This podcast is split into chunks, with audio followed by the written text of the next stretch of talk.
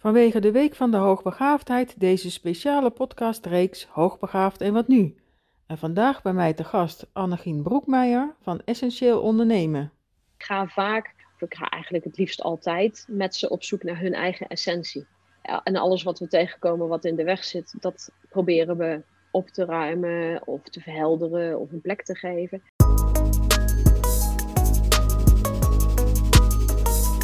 Fijn dat je luistert naar deze speciale reeks Hoogbegaafd en wat nu. Een special vanwege de Week van de Hoogbegaafdheid. Mijn naam is Suzette Lemmers en tevens maker van de podcast Hoogbegaafd en Liefdespijn. In deze speciale reeks neem ik jullie mee in mijn speurtocht naar antwoorden op vragen zoals Zijn er specifieke kenmerken waardoor ik erachter kan komen dat ik hoogbegaafd ben? Ik ben alleen hooggevoelig maar heb geen universitaire opleiding afgerond. Kan ik dan toch hoogbegaafd zijn? In deze week van de hoogbegaafdheid iedere dag inspirerende interviews met experts op het gebied van hoogbegaafdheid, waardevolle inzichten en praktische tips wat je kunt doen als je net hebt ontdekt dat je hoogbegaafd bent. Welkom Annegien, welkom eh, in deze podcastreeks Hoogbegaafd en wat nu? Dankjewel dat je te gast wilt zijn in deze podcast. Ik ben heel benieuwd naar jouw verhaal en uh, stel je even kort voor. Oké, ik ben uh, Annegien Broekmeijer. Ik ben zelfstandig ondernemer. Mijn bedrijf heet Essentieel Ondernemen. En zelf ook hoogbegaafd. En daar uh, mijn, mijn weg in ja, weten te vinden, denk ik. En dat, dat pas ik nu ook veel toe in mijn praktijk, waar ik relatief veel hoogbegaafden ook krijg. En uh, ja, dan ben ik wel benieuwd naar jouw weg. Hoe, hoe is die gelopen voor jou om te ontdekken, totdat je ontdekte uh, dat je hoogbegaafd bent en daarna eigenlijk? Nou, ik ben als, als kind was ik een hele goede leerling. En uh, eigenlijk dacht ik dat dat gewoon heel normaal was, zeg maar. En zo gaandeweg de jaren, op een gegeven moment is het zo dat mijn, mijn zus erachter kwam. Dat ze hoog begaafd was. dat deed bij mij nog geen belletje rinkelen eigenlijk maar wel steeds bewuster werd ik ervan dat ik, nou ja, toch wel blijkbaar heel slim was en heel snel kon denken en uh, verbanden kon zien. Tot op een, eigenlijk het moment dat mijn kinderen, zeker mijn eerste, naar school ging. En ook getriggerd door een, een hoogbegaafde vriendin die ook in het onderwijs zat en die al heel jong zei, toen mijn kind, oudste kindje nog heel jong was, ik zou opletten. Die ontwikkelt zich wel heel snel. En dan ga je er eigenlijk bewuster van worden en zo op school tegen, nou ja, voor veel denk ik bekende klassieke problemen aanlopen. Waardoor we uiteindelijk haar hebben laten testen. Uh, nou ja, nu uh, alle drie de kinderen inmiddels getest uh, met de nodige versnellingen, maar ook de problemen op school. En eigenlijk door, door dat ik me ging verdiepen in hun kenmerken, verdiepte ik me automatisch ook in mijn eigen kenmerken en die van mijn man. En zo ben ik wel tot dat besef gekomen van, alsof er toen pas zeg maar een kwartje viel. Van, oh, het heeft een naam, zeg maar, een beetje. Ja, ja, ja, ja. Maar ook, ook die specifieke kenmerken erbij. Ja, want je herkende je wel ook in je kinderen hè, van die specifieke kenmerken. Ja, ik weet niet of je er eentje kan noemen, maar dat dacht je van, nou, dat ehm. herken ik bij mezelf. Ja, nou wat, wat, wat ik bij mezelf heel erg herken, en dat zie ik uh, zeker bij mijn oudste ook heel erg, is het, het snel zien van verbanden. Hoe onlogisch ze ook zijn. Het ontzettend snel associëren en doorassociëren. En misschien eigenlijk simpelweg het veel sneller, of eigenlijk snel weten wat een ander wil gaan zeggen. En dan het antwoord al weten. Ja. En dat is natuurlijk in de communicatie niet altijd gemakkelijk. Maar goed, dat, ik denk dat dat wel even een paar kenmerken zijn. En ook een besef van, hé, hey, mijn studies gingen eigenlijk wel heel makkelijk. Ik heb daar eigenlijk, nou ja, heel weinig aan gedaan. Dus op die manier. Dus, uh, dus, dus die combinatie een beetje. En daarvoor, voordat je kinderen kreeg, liep je dan wel ergens tegenaan dat je dacht van, hé, hey, er is iets, het voelt alsof er iets is, maar kan de vinger er niet op leggen? Of hoe was dat? Ja, toch wel in de sociale interactie heb ik dat wel gemerkt, ook in het werk. Voordat ik zelfstandig ondernemer werd, heb ik een aantal uh, banen gehad. Waar ik toen merkte dat ik vaak wel in een vorm van conflict met mijn baas kwam. Ik riep nog wel eens voor het gemak. Ik weet niet of ik nou ruzie heb met hun of zij met mij. Maar, en, en dat ik me later ben. Dus daar voelde ik van ja, maar ik heb me juist zo leren aanpassen. Nou ja, dat is ook wel een ding wat ik inmiddels afgeleerd heb, of een beetje afgeleerd heb. Maar dus dat ik dacht van, ik doe zo hard mijn best om, nou ja, laten we maar even zeggen, aardig gevonden te worden. Waarom vinden ze me dan niet aardig? Waarom, waarom vinden ze me zo ja, anders of raar? Dus dat heb ik wel gemerkt, waar ik dan later eigenlijk besefte van, en dat is ook wel eens uitgesproken, van dat ik dat voor hun gevoel ik ze voorbij ging in de gedachten, zeg maar. Uh, sneller of, of dieper of snelle oplossingen. Ja, en voelden ze zich daardoor aangevallen of minder begrepen? Of hoe, hoe, ja, hoe gaven ze dat aan jou terug? Nou, dat gaven ze eigenlijk niet echt terug, maar ik heb me wel beseft dat ze zich daardoor bedreigd konden voelen. Maar die, in het begin had ik ook van, ja, maar ik ben helemaal geen bedreiging, want ik, ik ambieer hun positie helemaal niet. En zeker niet toen ik net aan het werk was. Dus, dus dat, ja, dat een beetje. En ja, ik herken me natuurlijk ontzettend in jouw uh, verhaal. je gaf al aan, je hebt wel conflicten gehad op je werk. Ja, voor jou was het aangeven van de dingen die je zag waarschijnlijk om de organisatie te helpen, toch? Ja. Dus zo heeft het bij mij gewerkt. Ik denk bij jou misschien ook. Ja. ja. Heb je een idee waarom ze zich dan zo aangevallen voelden of dat je niet begrepen werd? Nou, ik denk eerder dat ze beseften dat ik hen niet begreep. En dat, dat er mogelijk een uh, gedachte was dat ik ze, nou ja, dat ik daar een oordeel over had. Of, nou ja, en die bedreiging ook wel vormde. Maar het was voor mij, ik, ik ben nooit de persoon geweest, en dat ben ik nog steeds niet, die er heel erg naar streefde om vooral te laten zien dat ik slimmer was of zo. dus je wil gewoon al je capaciteiten inzetten voor het succes van het bedrijf. En ehm, nou ja. dat werd niet altijd zo gezien, denk ik. Nee, en zijn er wel momenten geweest dat ze je wel hebben omarmd, zeg maar, met je kennis en daar gebruik van gemaakt hebben? Nou ja, dat, dat, dat omarmen, dat weet ik niet goed. Ik denk het gebruik maken van de kennis zeker wel. Ja, dat was voor mij ook nog een periode dat ik zelf ook niet heel bewust het wist of uitsprak. Ja, maar ik ben hoogbegaafd. Uh, ik denk dat dat, en dat zal voor veel mensen denk ik wel gelden ik heb het lang ook gewoon niet uitgesproken. Ja, ik ben misschien wel redelijk slim. Dat. Maar het niet durven uitspreken, want dan vind je wat van jezelf of dat soort zaken. Dus, dus ja, het niet benoemen of het niet kunnen benoemen, dat maakt ook dat het geen bespreekbaar onderwerp is, zeg maar. Later, uh, ik ben in 2004 ben ik zelfstandig ondernemer geworden. In eerste instantie met een, uh, met een marketingbureau. En het grappige is, dat zal ook zeker met mijn, met mijn energie te maken hebben gehad, dat het vanaf dat moment het veel meer omarmd werd.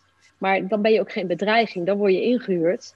En dan ben je juist een soort asset, zeg maar, om, om al je kennis en kunde in te brengen in de projecten die je doet. En, en daar was het uh, minder erg om, nou ja, laat ik het maar even zo zeggen, de vreemde eend te zijn. Ook voor mezelf. Waardoor ik me vrijer voelde, maar ook waardoor mijn opdrachtgevers, wat dus niet mijn bazen waren, maar echt een andere, nou ja, andere verhouding eigenlijk. Ehm, dat het veel meer gewaardeerd werd of zo. Of minder bedreigend was wellicht. Ja, omdat ze zelf waarschijnlijk nog het stuur in handen hebben om zelf nog een beslissing daarover te nemen of zo. Een soort advies wat jij dan geeft, waar zij dan mee verder kunnen. En ook niet iemand die het uh, erop uit is om hun positie over te nemen. Hè, Want je bent extern, dus ehm, dan, dan zit die bedreiging er op die manier ook minder. Want ik denk wel dat dat meespeelde. Hè, van ja, als je, als je slimmer bent, dan kun je, uh, uh, nou ja, kun je mijn positie innemen of kun je mij van die troon stoten of wat dan ook. Waar ik wel benieuwd naar ben, um, je bent dus van uh, werknemer naar je eigen bedrijf, zelfstandig ondernemerschap overgestapt. Ja, wat was uiteindelijk de drive of dat iets wat je de knoop mee doorhakte, dat je dacht van nou en nu ga ik gewoon wat voor mezelf beginnen? Want... Nou, dat was nou ja, toch ook wel een aantal keren dus een, een lastige situatie op het werken. In, in het kader van het niet begrepen worden of, of wat conflictachtige situaties. En er waren toen twee situaties waardoor het voor mijzelf helder werd van hé, hey, dit is wat ik wil. Eén was een hele goede vriendin van mij had een bedrijf in de horeca. En uh, goed, zij waren continu daarmee bezig en hadden behoefte aan uh, ondersteuning. Dat heb ik toen op de, op de, vriendschappelijke basis ben ik in die marketing een stuk ondersteuning gaan doen. Gekoppeld daaraan had ik eigenlijk een open sollicitatie bij een bedrijf uh, voor marketing. En daar werd gezegd van ja, maar ik ga echt niemand in dienst nemen. Ik ga, hè, er komt nu niemand bij. Maar goed, als ik een zelfstandige zou kunnen inhuren, zou ik dat wel doen.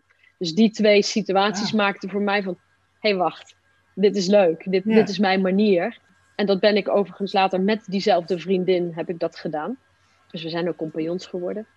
En dat, ja, weet je wat het is? Dan heb je veel meer ruimte om je eigen ideeën te gaan ontwikkelen. Om je eigen wijsheid, eigenwijs, hè, eigenwijs, um, om die in te zetten.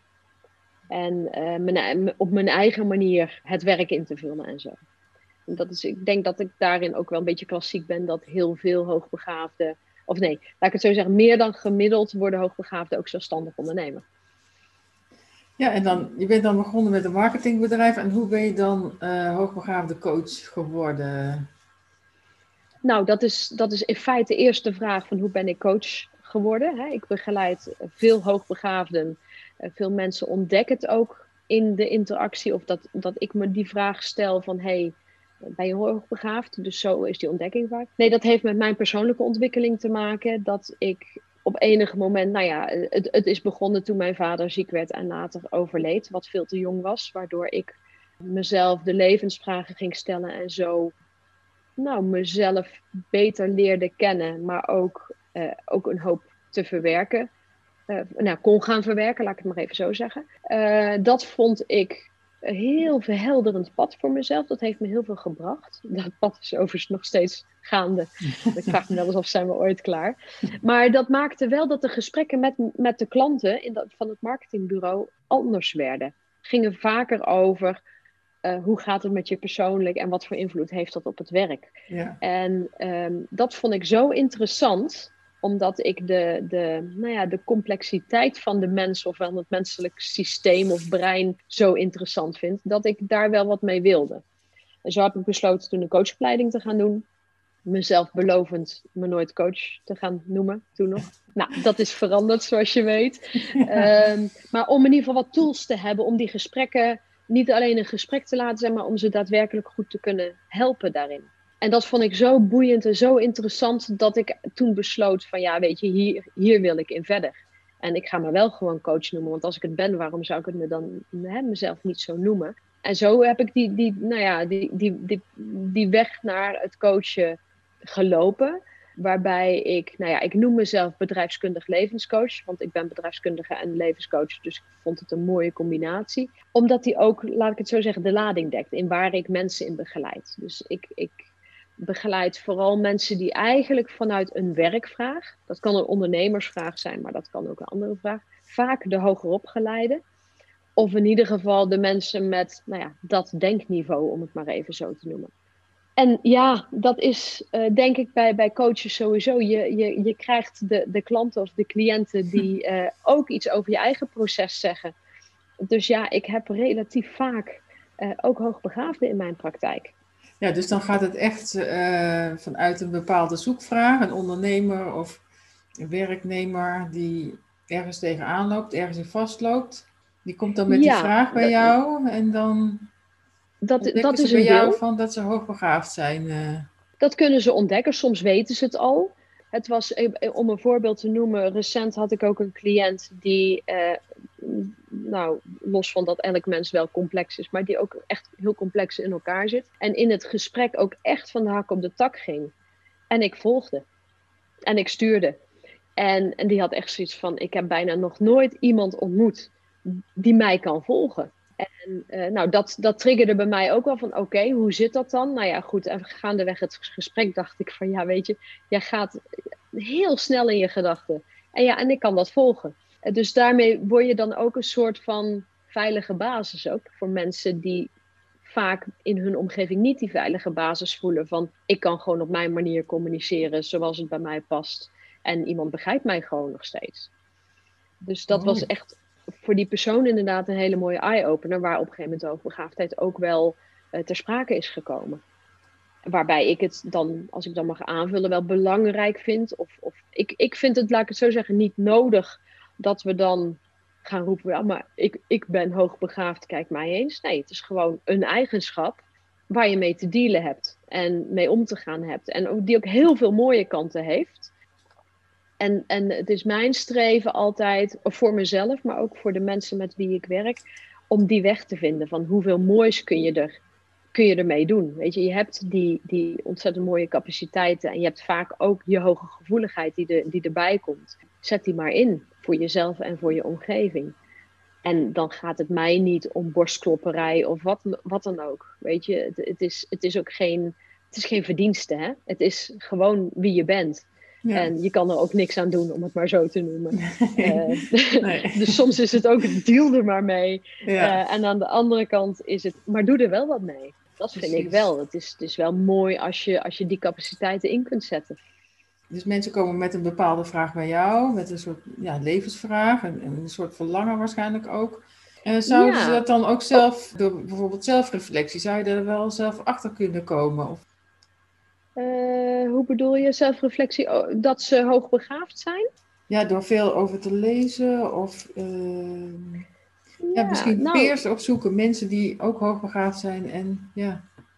Ja, nou ik denk wel dat op het moment dat je de, de hoogbegaafdheid ontdekt en kunt omarmen, dus, dus eigenlijk de last ervan, ja goed, die kan er ook zijn, uh, maar ook het, het mooie ervan ontdekt, dan trek je die, die peers of die ja, soortgenoten, om het maar even zo te noemen, die trek je denk ik wel aan. Want dan, dan zie je dat die gesprekken um, soepeler lopen.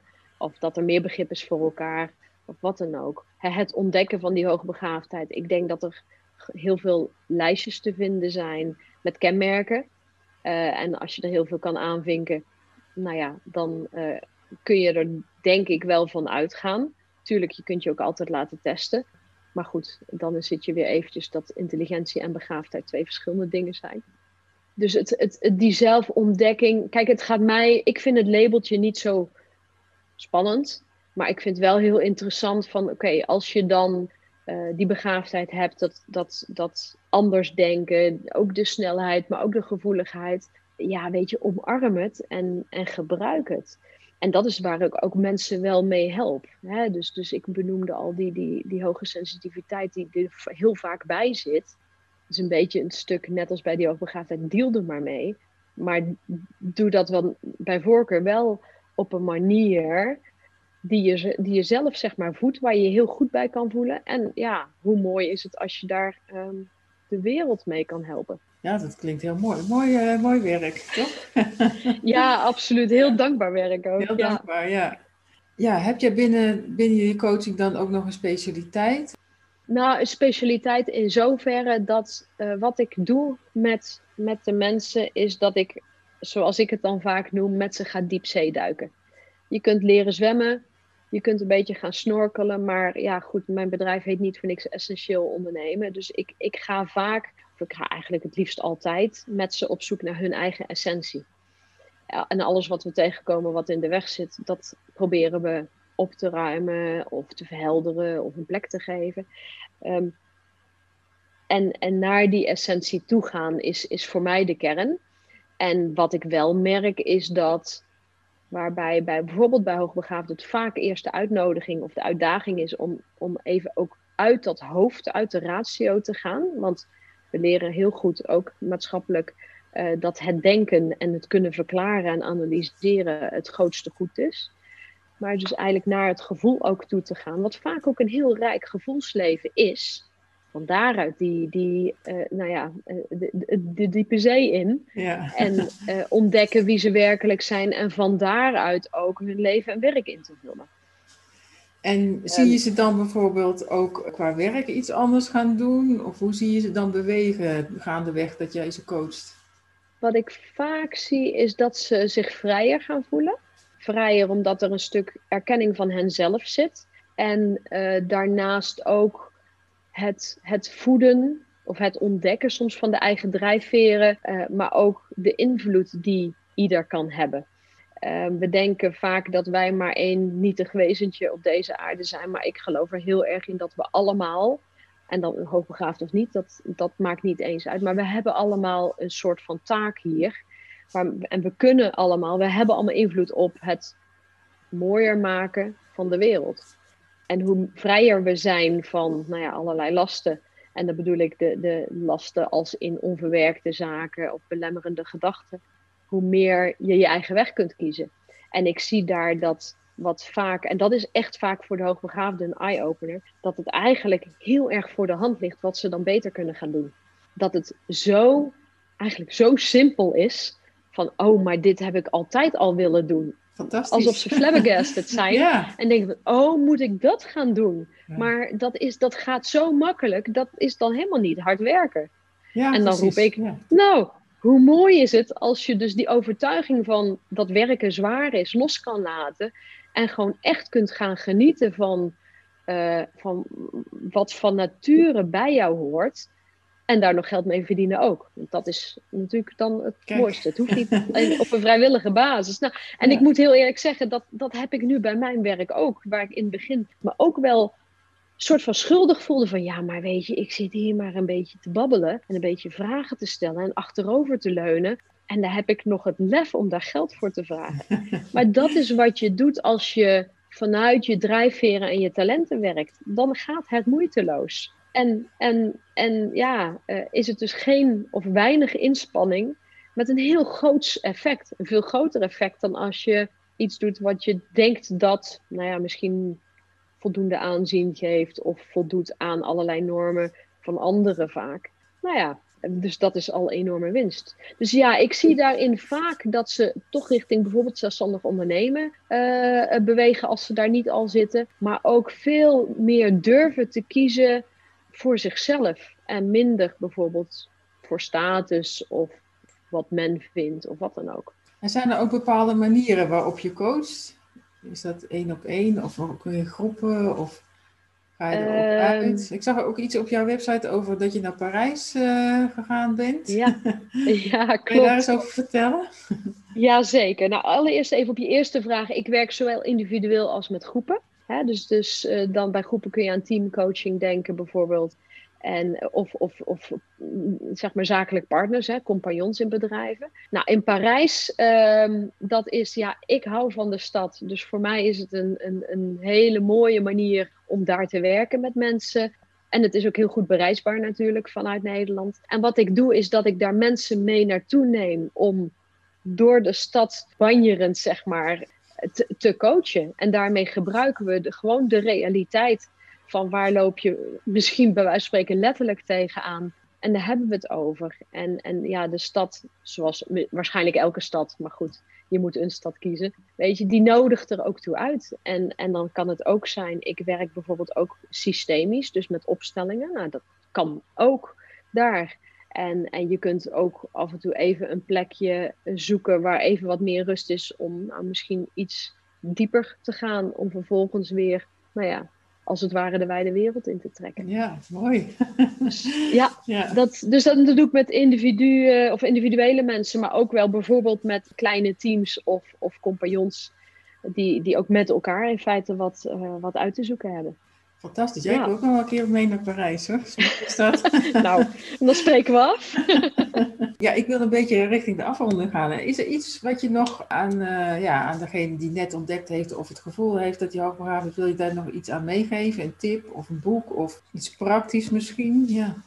Uh, wat, wat ik wil meegeven is, is omarm het. Hè? Ontken het niet, maar, maar weet dat het zo is. En, het is en, en kijk maar wat je uh, misschien ook vanuit herkenning van eerdere situaties wat je eruit kunt halen. Waar blonk je als kind in uit? Uh, op welke manier was je toen al je geniale uh, zelf, zeg maar? Ja. En wat deed je? En wat, wat is daar de rode draad in? En ga daar eens mee aan de slag. Wetende dat je gewoon heel veel, heel veel capaciteit hebt om het grote geheel te zien. Hè, zowel het grote geheel als de kleine details. En die met elkaar te verbinden. En verder, ja, andere tip ja, zoek, zoek misschien de, de, de, zoek anderen op om het erover te hebben, om die herkenning voor jezelf ook uh, te kunnen invullen. En tegelijk, weet je, blijf wel in verbinding met, met, met, ook met anderen, met de hele wereld. Want anders wordt het ook wel weer een klein wereldje. En dan wordt het van, oh jij ook, ja ik ook. En daar, wat ik merk, dat helpt niet. Het is heel fijn om met peers um, het erover te hebben, maar, maar sta je er ook niet op blind. Mooi. En vanwege de Week van de Hoogbegaafdheid en waar voor deze podcast en ook gemaakt wordt, wilde je nog iets weggeven aan de luisteraar? Ja, aangeven wat je weg wil geven? Leuk. Maar natuurlijk. Nou ja, als, als je als luisteraar je, je nou ja, aangesproken voelt weet je, neem contact met me op en uh, ik bied je aan om in ieder geval een uur gratis uh, jou te coachen. En dat kan online of dat mag bij mij in de praktijk. En dat wil ik dan voor de eerste vijf mensen die daarop reageren. Want anders kan het, nou ja, wordt het wat lastig behapbaar in mijn agenda. ja. dus uh, we, ja. wees er snel bij, zou ik zeggen. En dan met de codenaam uh, Suzette, hè? Ja, met de codenaam Suzette, dan weet ik dat je via deze podcast inderdaad komt. Ja, dus uh, dat, dat maakt het wel makkelijk. En voel je uitgenodigd, want er, er zit gewoon heel veel. Ja, weet je, je hebt zo'n ontzettend potentieel. En als je, ook als je meer handvatten wil hebben van hoe ga ik hier nu mee om, nu ik weet of denk te weten, bijvoorbeeld dat ik hoogbegaafd ben. Daar, uh, nou, dan heb je een ervaringsdeskundige ook tegenover. Nou, mooi, dat mooi dat je dat ja. uh, wil doen. En waar tot slot kunnen mensen meer over jou te weten komen? Sowieso op de site van mijn bedrijf, essentieelondernemen.nl. Ik ben natuurlijk ook op LinkedIn vindbaar of op Facebook. Uh, daar ben ik ook actief, ook onder de naam Essentieel Ondernemen. LinkedIn mijn eigen naam, Annegien Broekmeijer. Dus daar kunnen ze mij, um, kan iedereen mij vinden en uh, eventueel ook meer informatie vragen. Of als ze nog eventjes iets wat ik nu gezegd heb in de podcast daar een vraag over hebben. Neem gerust contact op, zou ik zeggen. Mooi, dankjewel Annegien voor uh, dit mooie interview. Ja, jij ook dankjewel Suzette, leuk. Bedankt dat je luisterde naar deze speciale reeks Hoogbegaafd en Wat Nu. Wil je meer weten over Hoogbegaafd en Wat Nu? Luister dan ook naar mijn andere afleveringen in deze speciale reeks. Als je je abonneert op mijn podcast Hoogbegaafd en Liefdespijn, kun je iedere week naar een nieuwe aflevering luisteren over deze boeiende onderwerpen. Kijk voor meer informatie op justjames.live. Heb je suggesties over wie ik zou kunnen interviewen over deze onderwerpen? Laat het me weten via suzette.lemmers.gmail.com Graag tot de volgende aflevering Hoogbegaafd en wat nu? Of een nieuwe aflevering Hoogbegaafd en Liefdespijn.